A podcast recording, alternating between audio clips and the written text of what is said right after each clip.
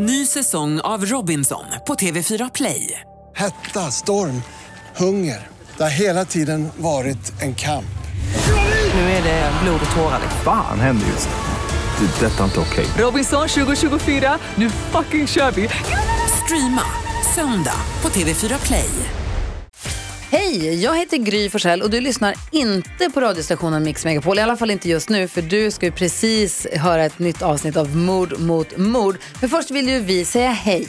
Hej, hej, det här är NyhetsJonas. Det här är Carolina Widerström. Och här är Gullige Dansken. Ja, och så Gry då, då. Det vi vill säga att när du har lyssnat klart på den här podden, då får du gärna lyssna på våran. Vi spelar in ett nytt avsnitt varje morgon av våra podd Kvartsamtal.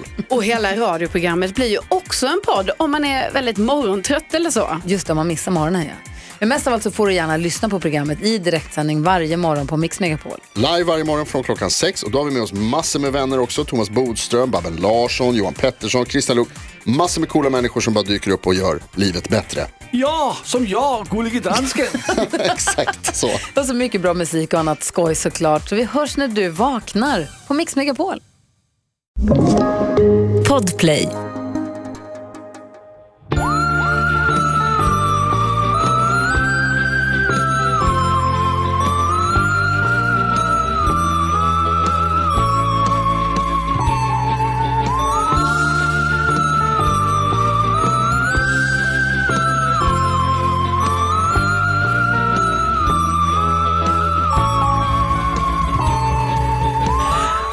Och men då är väl, var väl den här podden igång.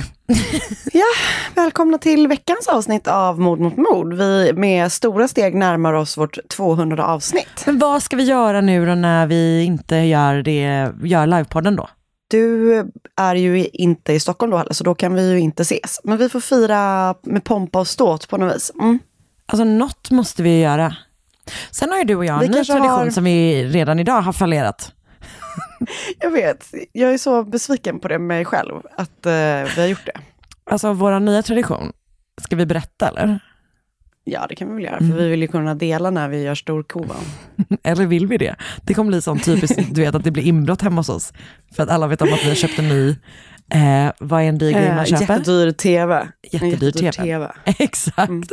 Eh, att vi, vår nya tradition ska vara att vi varje söndag skrapar varsin, landade vi va? Mm, mm. Varsin triss. Ja. Och vi ska alltid dela på eh, vinsterna. Nu har vi, Ja. om du, vet du vad, kan du bara gå, alltså, säga att du håller med mig om det jag precis sa? Vadå? Att vi ska dela. För att Alltså tänker jag- självklart, det här är ett bindande muntligt Exakt. avtal mellan mig och. Karin. Här. Ja, absolut. Vi, men gud, Med 30 vad 000 hemskt vittnen. att du ändå känner, vad, vad, vad hemskt att du ändå känner att eh, jag måste säga det för att du inte litar på mig annars. Men, nej, men vet du vad? Alltså, money corrupts people. Even you. Ja. Alltså, jag tror Kanske. Och Alltså- even you också, my friend. Jag lovar, Verkligen. jag ska, ha så här, jag ska ha övervakningskamera varje gång du skrapar så att jag verkligen ser var, om du vinner. Så Alltså, vi kan bara ha videosamtalen. Du behöver inte ha Nej, jag ska ha övervakningskamera. Nej, jag ska ha övervakningskamera. I mitt Jag ska- hem? Jag ska sätta upp den någonstans där du inte vet var den sitter. Okej, men kommer du ha igång övervakningskameran bara när vi skrapar Alltid. eller är det mer en Nej, sån? alltid. Okej, det, du har helt enkelt börjat övervaka mig. Är det det som har hänt? Mm.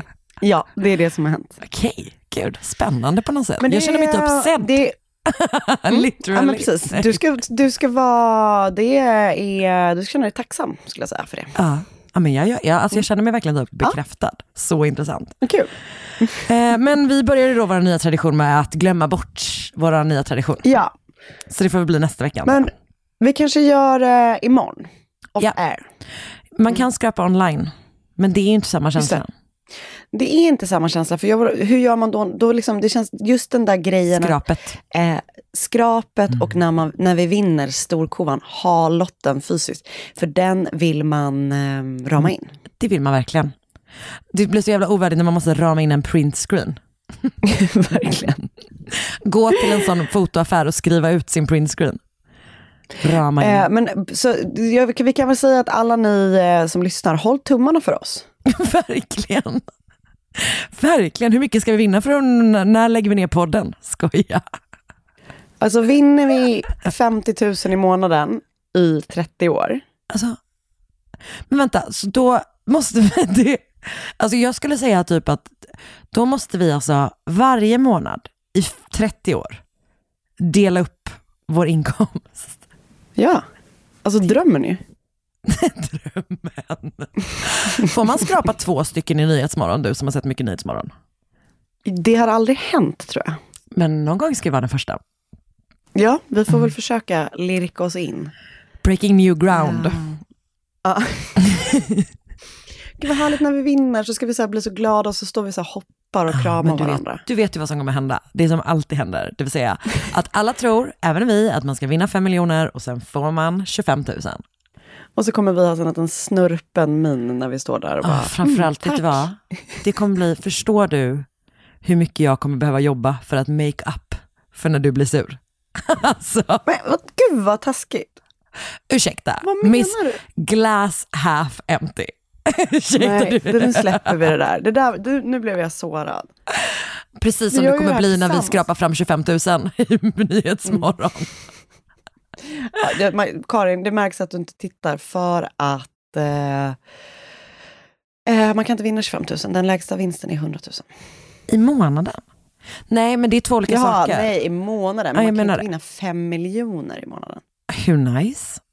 fem miljoner i månaden i fem miljoner I år. fem ja, exakt. Det är högsta vinsten. Ah, Sen har vi inte länge. sett någon vinna än.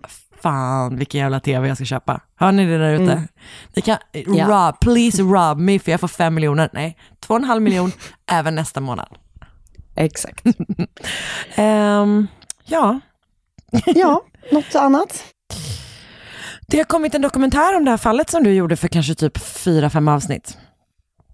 Har du hört det? Ja, det såg jag. jag ehm, Nu ska vi se. eh, nu måste jag tänka vad det var för... eh, jag, för jag tänkte så här, det här har jag precis gjort. Vad var det för något nu då? Ehm, alltså det är ju det här fallet med han som eh, lurade jättemånga personer eh, att han eh, typ var så här, jagad av IRA och sånt. Ja, ja, ja, ja. Just, det, just just det, just det. Ja. Eh, Robert Henry Freegard, som var ju en sån, det var det här i vårt avsnitt när vi båda två väl gjorde Con Artist tror jag. Det är typ precis Ja. jul. Ja, Ehm, exakt. Det finns i alla fall en Netflix-dokumentär om det nu. Jag har inte sett den, vi tänkte kolla på den ikväll efter vi har, du och jag Ja, poddat. vad kul. Eh, den heter The Puppet Master. Just det. Jag såg det igår morse. Vad sa du? Att den kom. Jag såg att den kom igår morse. Jag har inte sett den. Jag känner mig riktigt peppad. Eh, mm, kul. För, för att det var ju, eh, vilken jävla resa det fallet var. Ja, Eh, jäklar. Så det vill jag Ja, bara kommer säga. nog vara spännande. Mm. Ehm, sett något, hört något? Eh, Sagt något? Alltså jag har typ inte gjort det. Sagt något, många saker. Många bra något, saker. Nej. eh, nej men eh, jag, jag eh, lite vilsamt kollar på eh, igenom Fab Five, liksom det jag inte har sett av det. Och det är så jäkla Det nya. mysigt bara, man blir så glad. Mm, härligt. Jag kollar ju på Real Housewives of Beverly Hills. Så. Du är uppenbarligen lite, på något sätt ändå, man måste ha lite sådana easy watching eh, Ja. serier. Och det är typ vad det är, så himla mycket. Mm. Ja men vad bra att ingen av oss har kollat på någonting, men att vi ändå hade någon slags eh, förslag. Vi kan väl återkomma nästa vecka om vi har sett den kanske. Ja, det gör vi. Och så länge så tänker jag att vi lika gärna kan bara göra vår egen podd. Det är ju ändå den som är huvudnumret, om man säger. Exakt så. Ny säsong av Robinson på TV4 Play.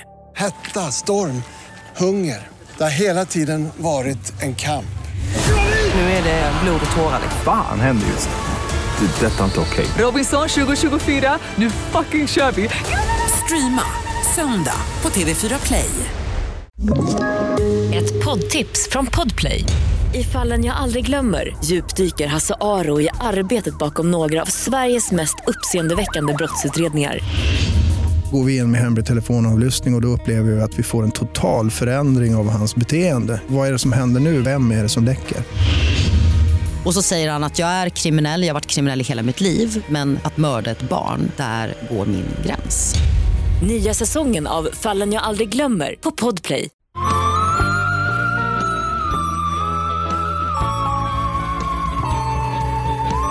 Så idag ska jag berätta om en ganska känd italiensk berättelse som bland annat eh, gjordes till film på tidiga 60-talet på grund av dess liksom, ganska annorlunda karaktär. Kan man säga. Hmm, spännande. Eh, så- mm. Ja. Eh, Jag blev helt andfådd bara av den där första meningen. Nu, och nu ska Okej. du börja uttala alla de italienska namnen och jag längtar. Men det, de är typ helt okej. Det, det, jag, ja, vi ser här. Ja, vi ser. Så den 4 december 1575 föddes Marianna de Le- Leiva i Marino i Milano. Hennes familj var, kan man säga, eh, av hög börd. Hennes mamma, Virginias pappa, alltså Mariannas morfar, var den rikaste mannen i Milano. Och han hette Tommaso Marino och han var då väldigt framstående bankman. Och eh, Virginia hade innan hon träffade Mariannas pappa varit gift med en man som var greve för då ett grevskap någonstans i Italien och fått ett barn med honom, en son, innan då den här greven dog, liksom tidigt i deras äktenskap. Och då träffade då hon Mariannas pappa. Och Mariannas pappa he- hette då Martino och han kom också från en väldigt bra bakgrund. Bland annat så hade han en släkting som hette Antonio de, Lev- de Le- Leiva som var från Spanien men som stred i Italien för Charles V som var romersk kejsare, ärkehertig av Österrike, kung av Spanien och lord av Nederländerna. Oj, jävla, Ändå vilket jävla många CV. köttiga, alltså många köttiga titlar. Och den här då, eh, Antonia de Leiva, som ehm, då var någon släkting eh, till honom, typ farbror eller något sånt där. Han blev tilldelad grevskapet Monza, som verkar vara typ en förstad till Milano idag. Han fick, blev då liksom tilldelad det här grevskapet och fick då också alla pengar som eh, genererades i Monza. Och det blev han då tilldelad av den här Charles V för att han hade stridit så bra typ. Och eh, när den här Antonio dog då så tillföll Monza då Mariannas pappa Martino. Just det. Hänger du med? Japp, japp, japp. Så utöver då att han då har liksom typ makten över Monza och typ får alla pengar som kommer där, så är också Mariannas farfar, alltså Martinos pappa, hette Louis, Louis de Leiva. Och han var då prins av en stad eh, som hette eh, eh, Ascoli. Så han var då prins och var också kapten eh, och Spaniens första guvernör över Milano. Så det är liksom en ganska mäktig släkt kan man väl säga. Ja. Och jag tänker extra mycket, liksom, alltså bara idag skulle man ju, liksom, om man träffade någon som hade allt det här, så hade man ju tänkt, gud, wow. Och då så spelade väl alla såna här titlar och sånt ännu mera liksom, skillnad. Verkligen. Verkligen. Så eh, lilla baby Marianna, hennes mamma Virginia och sonen från Virginias första eh, äktenskap och hennes pappa Martino bor då i Monza. Ett år gammal så dör Mariannas mamma Virginia och jag vet inte exakt var hennes pappa befinner sig i allt det här när eh, mamman dör. Men jag kan väl gissa då att pappor kanske inte direkt tog jättemycket ansvar eh, för sina bebisar i slutet på 50, 1570-talet. Så Marianna då får bo hos sina mostrar. Eh, och när mamman dör så blir det också en rättstvist om mammans, eh, alltså arvet efter mamman som är liksom ett ganska stort arv då. För hon eh, hade ju liksom mycket pengar och sådär. Eh, så mamman hade skrivit ett testamente där hon testamenterade halva sin egendom till då Marianna och halva till sin son som hette Marco Pio, då, som hon hade från sitt första äktenskap. Men släktingar till då sonen Marco Pio bestrider det här testamentet och det verkar som att det slutar med att Marianna då inte får en krona eller någonting efter sin avlidna mamma. Eh, Så hon bor då hos sina mostrar i 13 år. Och när hon blir, har blivit 13 så dyker hennes pappa upp hos mostrarna för att prata med sin dotter. Han har något att berätta för henne, för han har bestämt att hon ska bli nunna.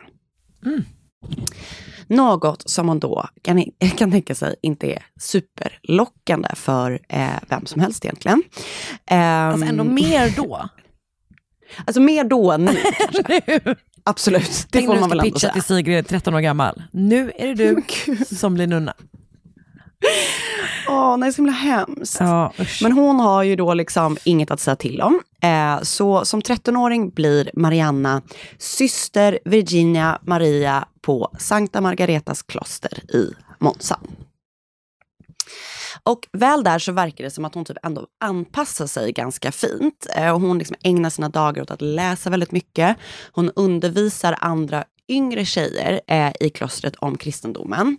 Och eh, hon höll sig väldigt mycket för sig själv, även om hon då liksom var väldigt omtyckt av de andra nunnorna och de som arbetade i klostret. Och eh, åren verkar liksom ha haft sin stilla lunk där på klostret. Och du vet, de kom och gick och till slut så var då Virginia Maria i tidiga eh, 20-årsåldern. Och då händer något. För då lyckas, jag kommer kalla henne, nej hon heter Virginia Maria, jag kommer kalla henne för det helt enkelt. Det är enklast så. Eh, eller hon heter ja det är hennes eh, nunnenamn då, ja. som hon heter nu. Hon då träffar en man. Och den här mannen som hon träffar var greve Giovanni Paolo Osio. Och Giovanni var då något av en kvinnokar och verkar ha varit det från tidig ålder. Det gick liksom vitt spridda rykten om att utöver då att han hade been around så att säga, så hade han också mördat både en och en annan person. Oj! Så, ja, så han, liksom, det, han är lite mm, så... Han är inte ehm, mytomspunnen. Kan man säga. Nej. Nej. Exakt så. Och som jag förstår det då så har eh, Virginia Maria på grund, eller tack vare sin bakgrund, lite friare tyglar än vad andra nunnor hade. Typ att hon får typ så träffa män? Nej men typ utöver att hon så undervisade i klostret så verkar det som att hon är typ någon slags så här fastighetsförvaltare för vad jag gissar är klostrets byggnader. Eller du vet, så här, hon är liksom ute i byn en del. Och hon verkar också ha haft något, någon slags roll i det juridiska systemet i Monza. Okej, spännande. Så hon är liksom lite... Out hon är liksom, ja, för jag, jag typ såg framför mig att framför allt då på 1500-talet så kanske man liksom var väldigt skyddad som nunna. Eller jag vet inte. Men hon verkar i alla fall fått liksom varit ute ganska mycket. Och på, liksom, på något av de här uppdragen då, antar jag, det framgår inte exakt hur de träffas, men hon träffar i alla fall honom. Och han eh, är granne med klostret, så de har väl liksom sett varandra och sen så har de så här börjat prata med varandra typ. Och kärlek uppstår då mellan dem. Och de börjar skriva brev till varandra. Och de här breven skickas, eller vad man ska säga, ut genom ett fönster in i hans trädgård. Via någon slags repanordning. Japp, det är det enda jag vill. Japp. Skicka brev Man vill ha en liten sån korg som Det man vill ska man skicka ner. ha. Tycker jag. Japp. Mm. 100%. Eller kanske en klädnypa som... ehm, Men alltså hade vi kunnat podda via korg på rep så hade vi gjort det. Exakt, absolut. Och som man då liksom tänker sig så är det kanske inte det lättaste att upprätthålla en relation när en av parterna eh, bor i ett kloster. För, för det första så får man ju inte ha det. Och sådär. Eh, men, men de får hjälp. De får hjälp att anordna deras träffar, eller vad man ska kalla det, av både andra nunnor, men också av en präst som arbetar i klostret, som visar sig vara Giovannis vän. På något sätt så lyckas de också få tag till, på en nyckel in till klostret som de med hjälp av en smed får hjälp att kopiera. Så snart har då Giovanni en egen nyckel till klostret och eh, kan väl typ komma och gå som han vill. Okej. Alltså det är så intressant. Det Eh, är så intressant faktiskt. och de här kärleksmötena då mellan Virginia Maria och Giovanni resulterar så småningom i en graviditet. Är det inte bra? Barn, nej det är inte bra. Det är inte inte bra. Men det här barnet då som hon väntar är tyvärr dödfött när det föds. Och även om det då får eh, Giovanni och Virginia Marias relation att svalna lite så fortsätter de att ses. Och ungefär ett år efter att det här barnet då har eh, fötts, eh, så, eh, så alltså nu är vi framme vid 1603, så blir Virginia Maria gravid igen. Och efter nio månader så föder hon då en liten flicka som döps till Alma Francesca Margarita. Och hon får bo med sin pappa. Och alltså, Hon är liksom kvar i klostret. Ja, för jag fattar typ inte riktigt. Alltså, kan man inte lämna då? Var det liksom...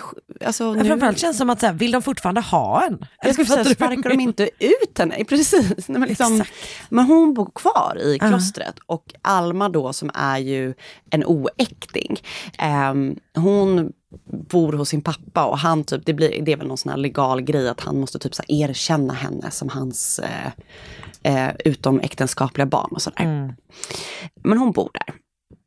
Och när Alma var tre år gammal så började det storma lite runt hennes föräldrar kan man väl säga.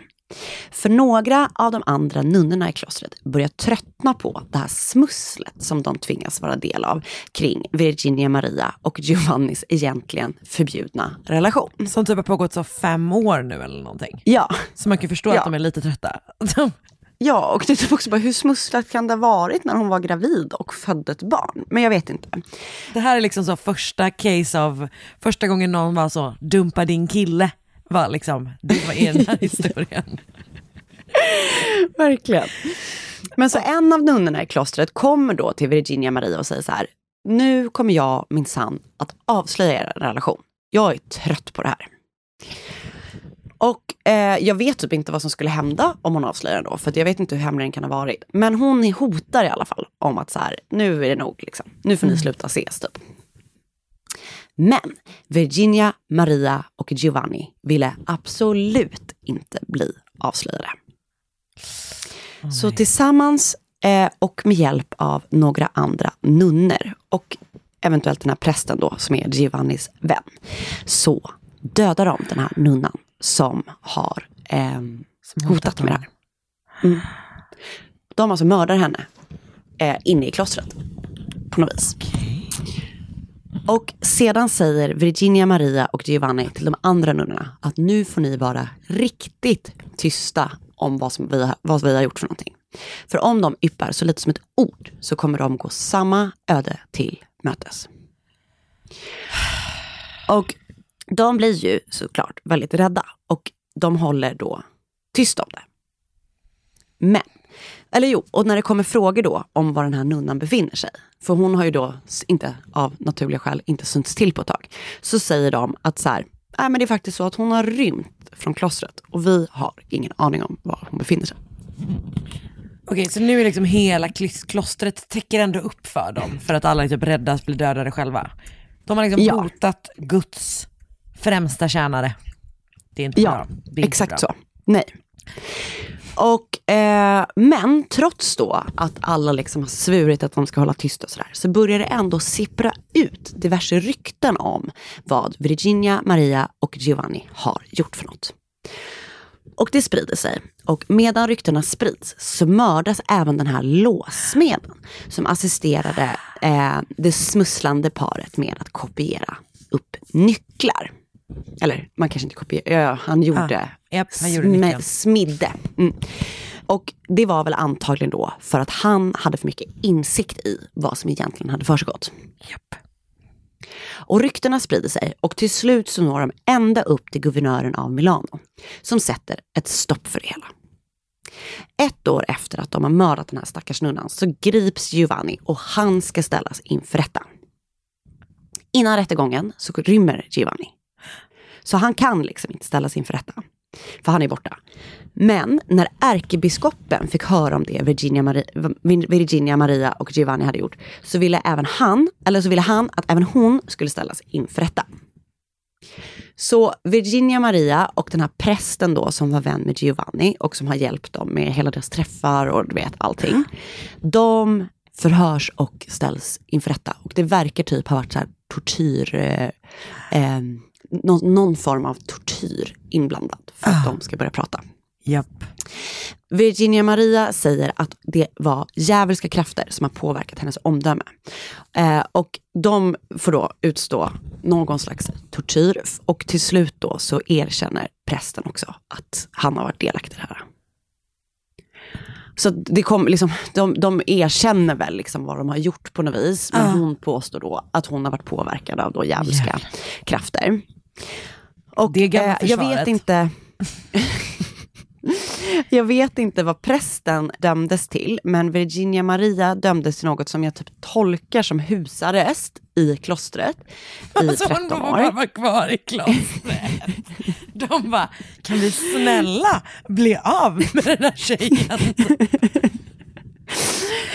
Eh, jag, jag tror att det är det som hon Ja. får. Och, och det var kanske liksom lite mer inspärrad då. Liksom. Just det. Eh, I klostret. Och efter de här 13 åren så bor hon ändå kvar i klostret tills hon dör 1650. Vad trötta de ska ha varit på henne.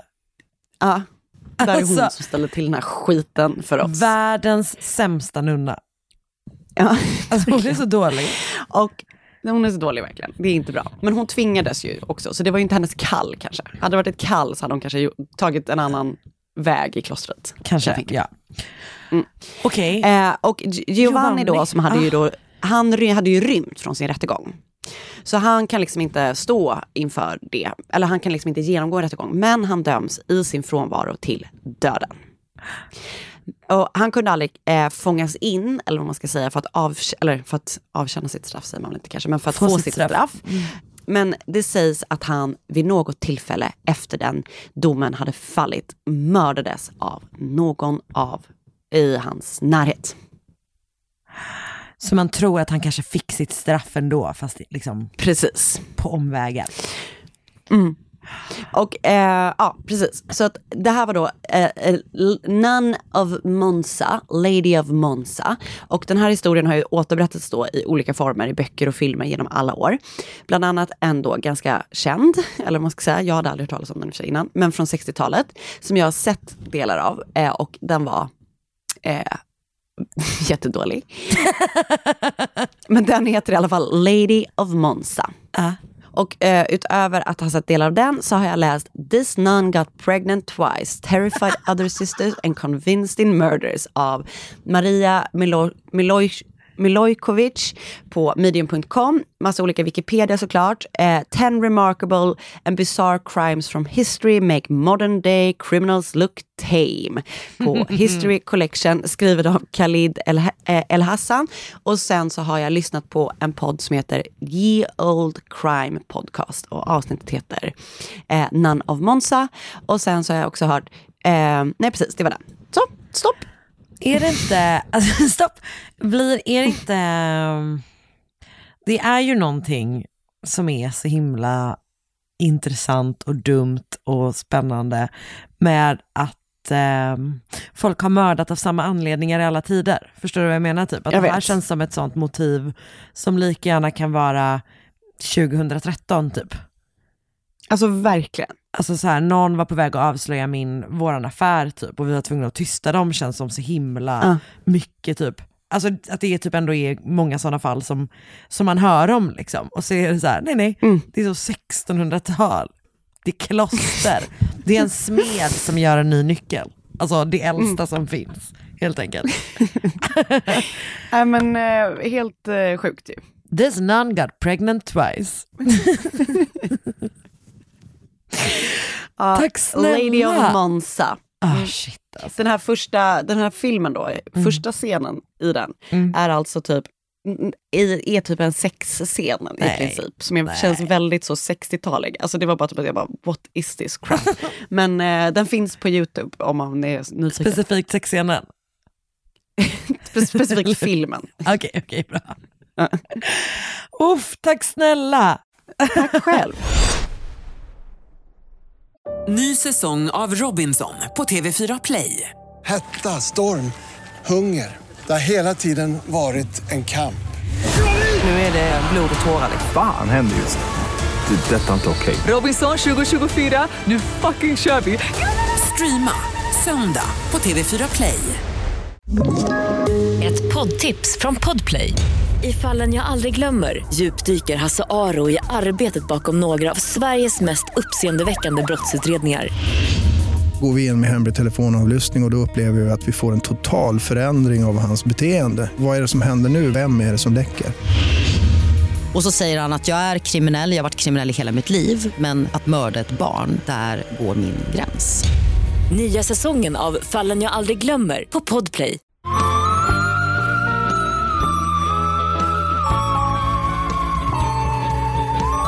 Nu är det min tur att berätta om ett fall som är väldigt mycket nyare än vad ditt var. Eh, och väldigt sorgligt och hemskt också.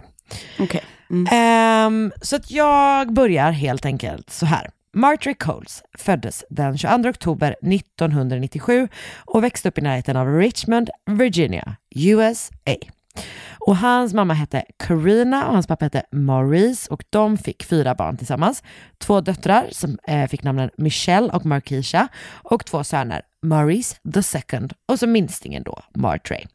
Och Martray är väldigt, väldigt nära sin mamma. Eh, du vet, det är verkligen så här, ja men du vet, his best friend, den grejen. Eh, Mm. Och eh, det slår förstås jätte, jätte hårt mot hela familjen, men också väldigt, väldigt tufft hårt hon, mot honom, när eh, Karina eh, dör i komplikationer efter en höftoperation sommaren 2014.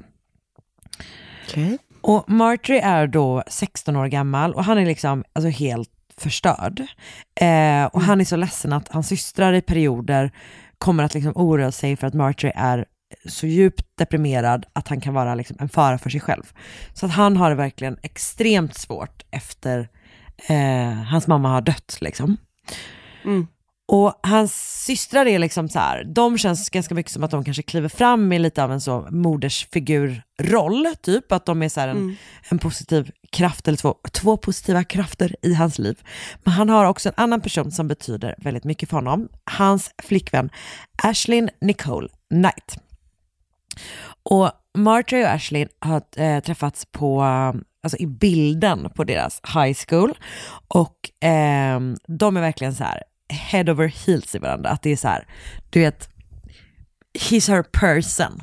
Alltså det är verkligen så här jätte, jättekära och väldigt stöttande och har en väldigt, väldigt bra relation liksom.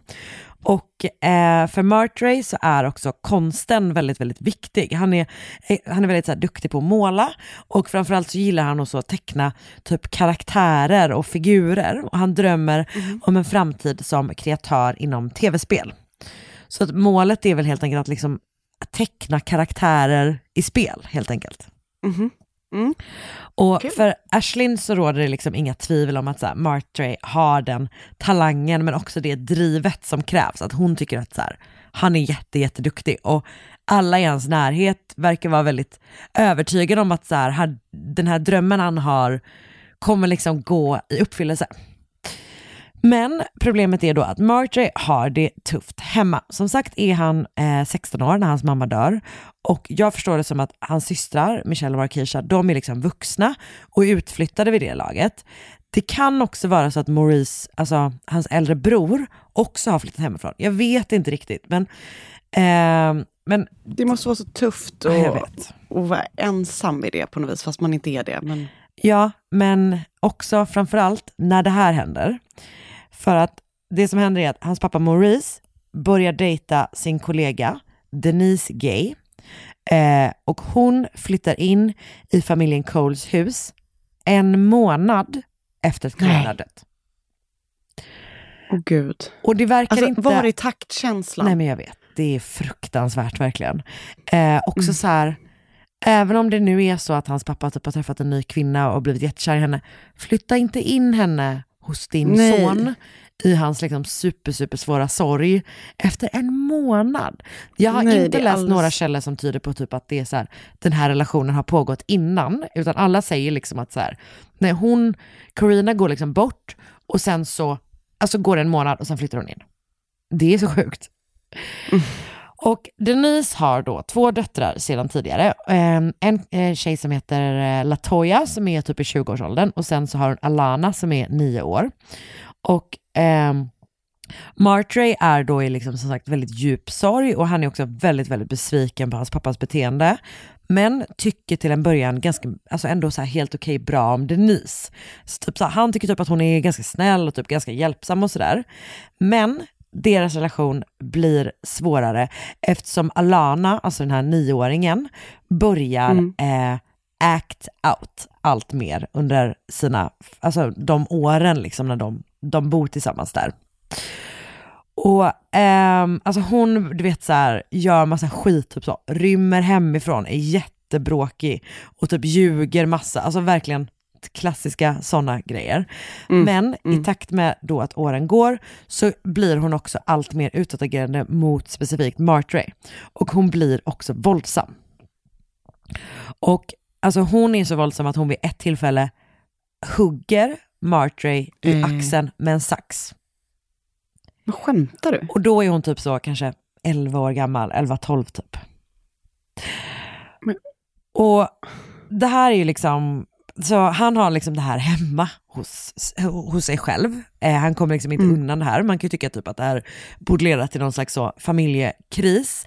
Men det blir inte riktigt så, för att Denise får Martray att lova att inte berätta för sin pappa om vad som har hänt. Och det verkar som att det är typ, alltså att hon får honom att inte säga när Alana har typ gjort grejer mot honom. Och han håller det liksom, så han biter ihop och tar sig liksom, alltså bara igenom en allt mer kaotisk typ hemmiljö i kombination med den här stora, stora sorgen liksom. Och jag tänker att det nog, alltså att hantera det blir kanske lättare eftersom att han vet att så här, han ska dra ganska snart. Eh, för att när hon, när Alana är liksom så 11-12 så är han typ så 18-19 och börjar sig då, alltså att han ska åka iväg på college kommer liksom allt närmare. Och eh, nu är vi i 2017, så att Corina dör 2014, nu är 2017. Och Martray gör sig då redo för att liksom åka iväg på college. För han har blivit kontaktad av Full Sail University i Florida. Och det är en skola som bland annat erbjuder utbildningar inom just tv-spelsproduktion. Och de vill då att han ska ansöka till skolan. Och han ska så här, göra ett inträdesprov, han ska typ skapa typ någon slags papier-maché mask som liksom ska visa typ, alltså du vet hur han tänker kring karaktärer och så här, visa hans konstnärliga förmåga. Så att han ska ta med sig den, han ska skapa den här masken hemma, ta med sig den till skolan och sen du vet så här, få någon rundtur och typ genomföra intervjuer och sådär liksom. Och det här är då eh, den 12 mars 2017 som han ska åka iväg till det här universitetet i Florida. Så han ska ta bussen dit och det är liksom så här, det här är verkligen hans dröm. Den här, den här Mm. sortens skola typ. Hans dröm för att framtid liksom verkligen inom räckhåll. Och som vanligt i den här podden så innebär det att det kommer hända hemska saker. Ja. Så dagen innan han ska åka så sover han över hos en av sina systrar och sen så lämnar hon av honom hemma i liksom Coles-hushållet igen. Um, och där ska Maurice köra honom till bussen. Och jag tolkar det som att Maurice kanske jobbar natt och att han typ kommer hem på morgonen och då ska köra eh, Martray till bussen. Men redan samma dag så börjar Ashlyn då, Martrays flickvän, misstänka att någonting har hänt honom. För han har slutat svara på hennes sms och han svarar inte heller när hon ringer och det är liksom extremt olikt honom. Alltså han skulle aldrig, du vet så, låta henne oroa sig på det sättet. Typ. Nej. Så att redan samma dag eh, så tar hon därför kontakt med hans systrar och eh, de blir också jätteoroliga typ direkt. För att de misstänker då att deras bror kan ha gjort någonting för att skada sig själv.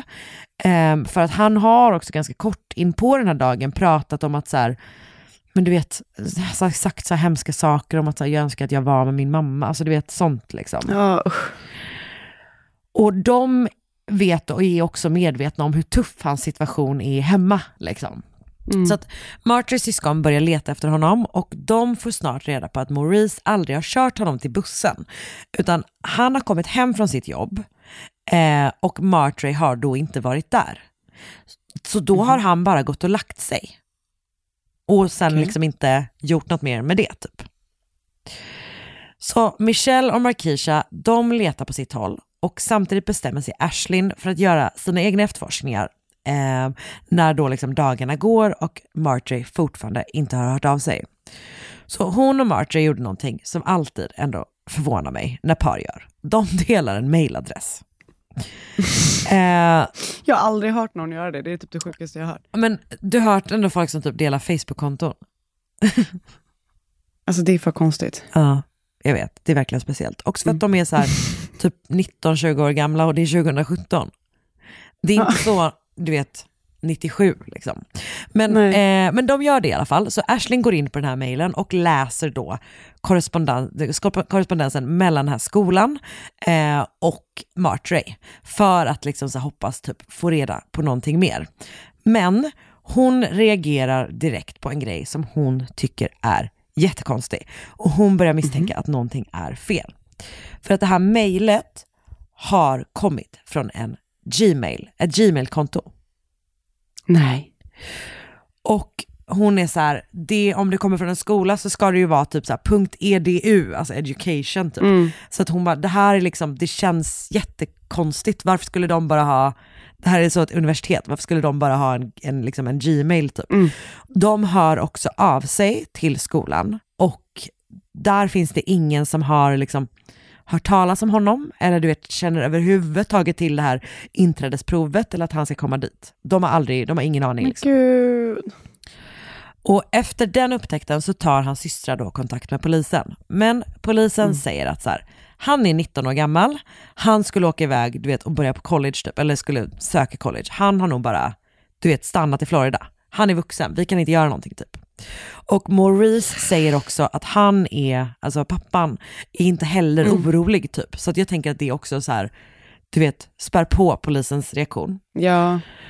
Så det gör då att veckorna, alltså det börjar gå liksom veckor och ingen hör från Martray. Så den 2 april 2017, det är alltså tre veckor senare, så tar en man som heter Larry Anderson en lunchpromenad i ett litet så skogsområde, alltså liksom lite bland så träd och buskar typ i, som ligger typ i ett industriområde där han jobbar. Och han får då, då syn på en stor grå plastlåda. Och när han typ kommer närmare så ser han att det sticker upp typ en sneaker ur den här plastlådan. Men jag orkar inte. Och han tänker så han bara, men det kanske är någon som typ har dumpat massa kläder där, typ jag ska kolla vad det är för någonting. Men när han då öppnar så ser han då istället en ung svart man som är liksom så här, alltså verkligen så här ihoptryckt typ, nedtryckt i den här lådan typ. Han ringer då polisen, eh, man hittar inget blod, man hittar inga, liksom, inget spår av våld, inga försvarsskador. Man hittar heller inget ID-kort, du vet inga så tatueringar och sånt som man kan liksom, eh, identifiera personen med. Eh, men de får då en träff i databasen ändå, för att de får upp Martrays saknadanmälan från ett par veckor tidigare och kan då identifiera honom med hjälp av hans körkortsbild.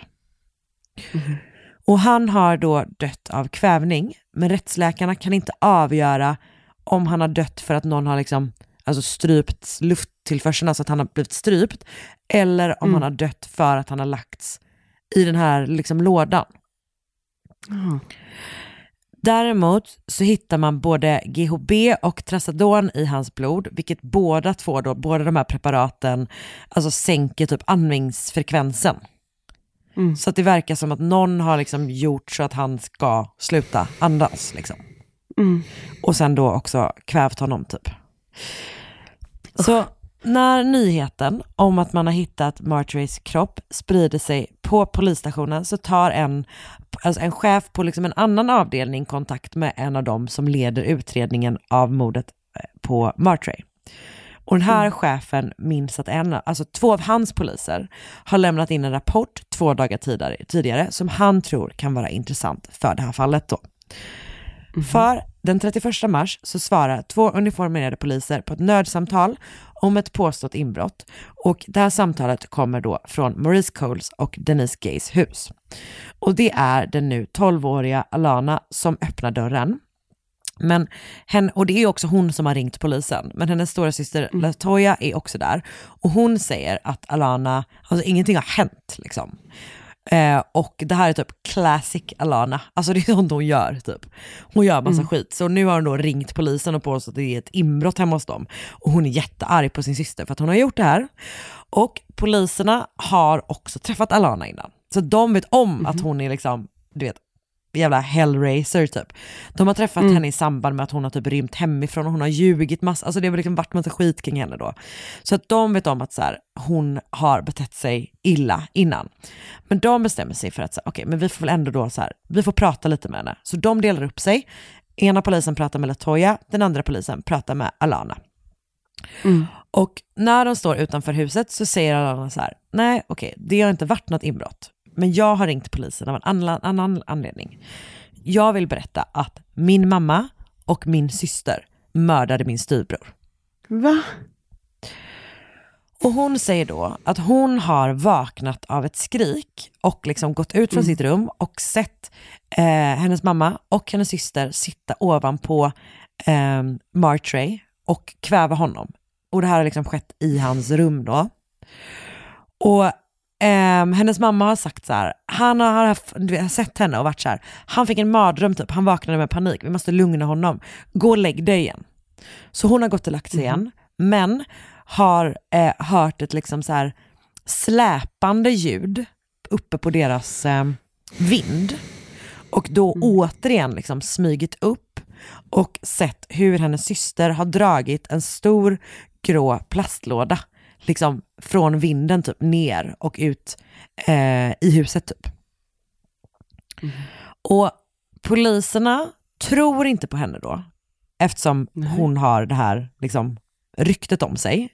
Eh, Så de, men de, de skriver ner vad som har hänt, men det liksom görs ingenting mer med det, för att de räknar med att hon bara hittar på allting då. Men det gör ju att det finns åtminstone en rapport som nu då poliserna som jobbar med Martrays eh, mord liksom kan kolla på. Så att de har liksom då ett möjligt vittne, men det är en 12-årig flicka som har liksom haft, redan haft massa problem med polisen. Det ser inte toppen ut liksom.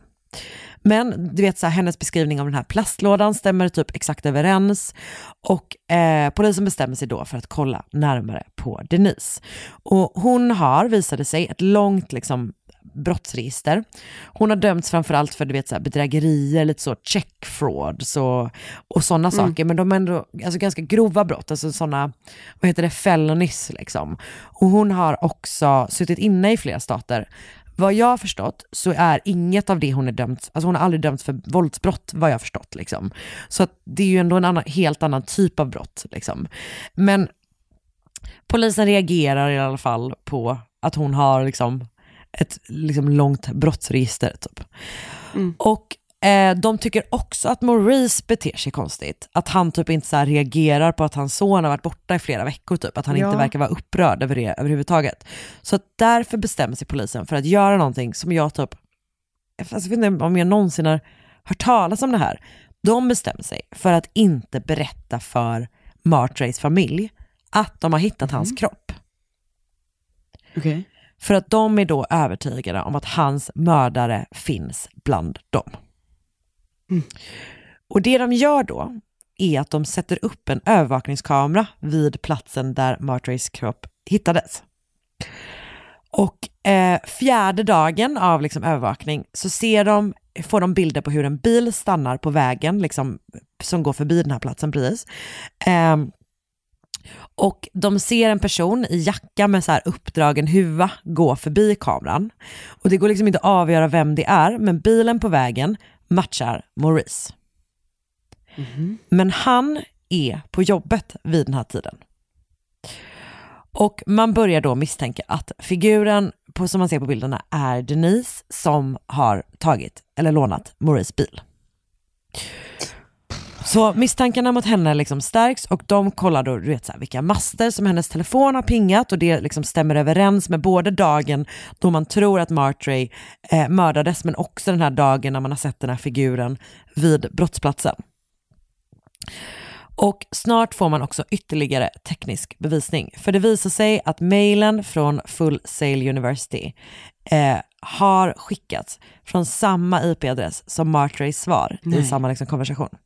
Så det verkar som att Denise har alltså skapat den här Gmail-adressen och liksom suttit i typ andra rummet och typ bjudit in Martray Alltså, till den här fan. skolan.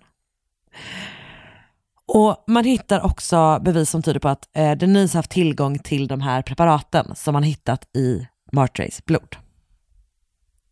Alltså det är någonting med att hon liksom får honom att tro att hans dröm Nej, är så... är och att på han väg ska att... göra en, ett, här, en mask. Jag vet. Och, alltså jag blir... Uh, Ja, jag vet.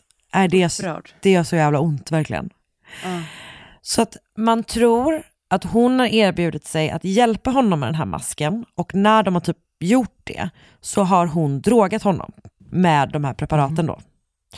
Och att hon och Latoya sen tillsammans mördat honom och gjort sig av med kroppen. Och man tror att, du vet hela den här historien med skolan är för att alla ska tro att han har åkt dit helt enkelt. Liksom. Och att man därför inte ska leta efter honom. Men den 10 april, så nästan en månad efter att Martray försvann, så grips båda två. De förnekar allt och vad jag förstår det så fortsätter de att liksom förneka allting. Men efter förhör med typ familjemedlemmar så tror polisen att motivet kan ha varit att Denise grepp om Maurice, alltså pappan, liksom, alltså, de träffades när han var väldigt, väldigt svag. För att eh, hans fru hade precis dött. Och nu har typ åren gått och han har börjat bli starkare. Och du vet, det finns tankar om att hon då har liksom tappat kontrollen över honom. Just det. Och eh, han behöver inte henne på samma sätt längre.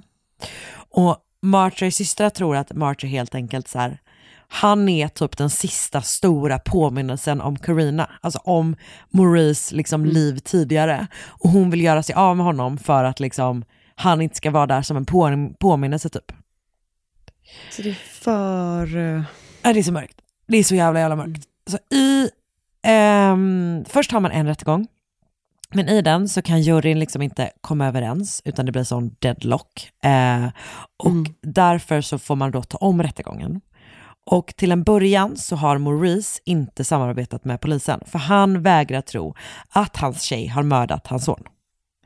Men efter att han har typ så suttit med under den första rättegången och hört alla bevisen, hört alla vittnesmålen, så bestämmer han sig för att jobba då tillsammans med polisen. Och alltså till slut eh, så bestämmer han sig då för att lämna över bland annat så här Denise mobiltelefon och då kan man typ återskapa konversationer som man inte kunnat se innan. Där Latoya och Denise bland annat så här pratar om den här dumpningsplatsen. Så att hon är, det, det är typ att de har börjat misstänka att polisen vet, alltså vet någonting. Så att eh, Denise ska åka dit och typ så här kolla och kanske flytta den själv och de pratar om så här jag tror inte du kan flytta den själv, Eh, den är för tung och du vet lite sådana saker som man tror Mm. då handlar om det här. Och sen så kommer det också ett sms eh, där hon bara skriver typ så här, du vet, den är inte här liksom. Så man tror att de, att de liksom diskuterar det helt enkelt. Och man kan också du vet hitta så här Google-sökningar så som de alltid gör. Eh, Mm. På så här, hur gör man sig av med en kropp och typ massa sådana jävla grejer liksom. Och ehm, så det finns ju ganska mycket teknisk bevisning, eller liksom ganska starka, både teknisk bevisning och liksom sån ganska stark indicierkedja typ. Men utöver det så har åklagarna också sitt stjärnvittne. För den nu 13-åriga Alana vittnar mot sin mamma och sin syster och pekar Vad ut dem som Martrays mördare. Alltså att, de ens, att hon ens får vittna Mm. är... Hon sitter typ i ett annat rum och är med via länk sådär liksom, men det är ändå att hon vittnar mot sin mamma och sin, Alltså, sin är syster är så- verkligen... Ah. Så till slut då, allt det här sammantaget leder till att Denise Gay i maj 2018 döms för överlagt mord till livstidsfängelse och Latoya, som då är, eh, hon var 23 år gammal då, döms också för Mm. överlagt mord och hon får 30 års fängelse.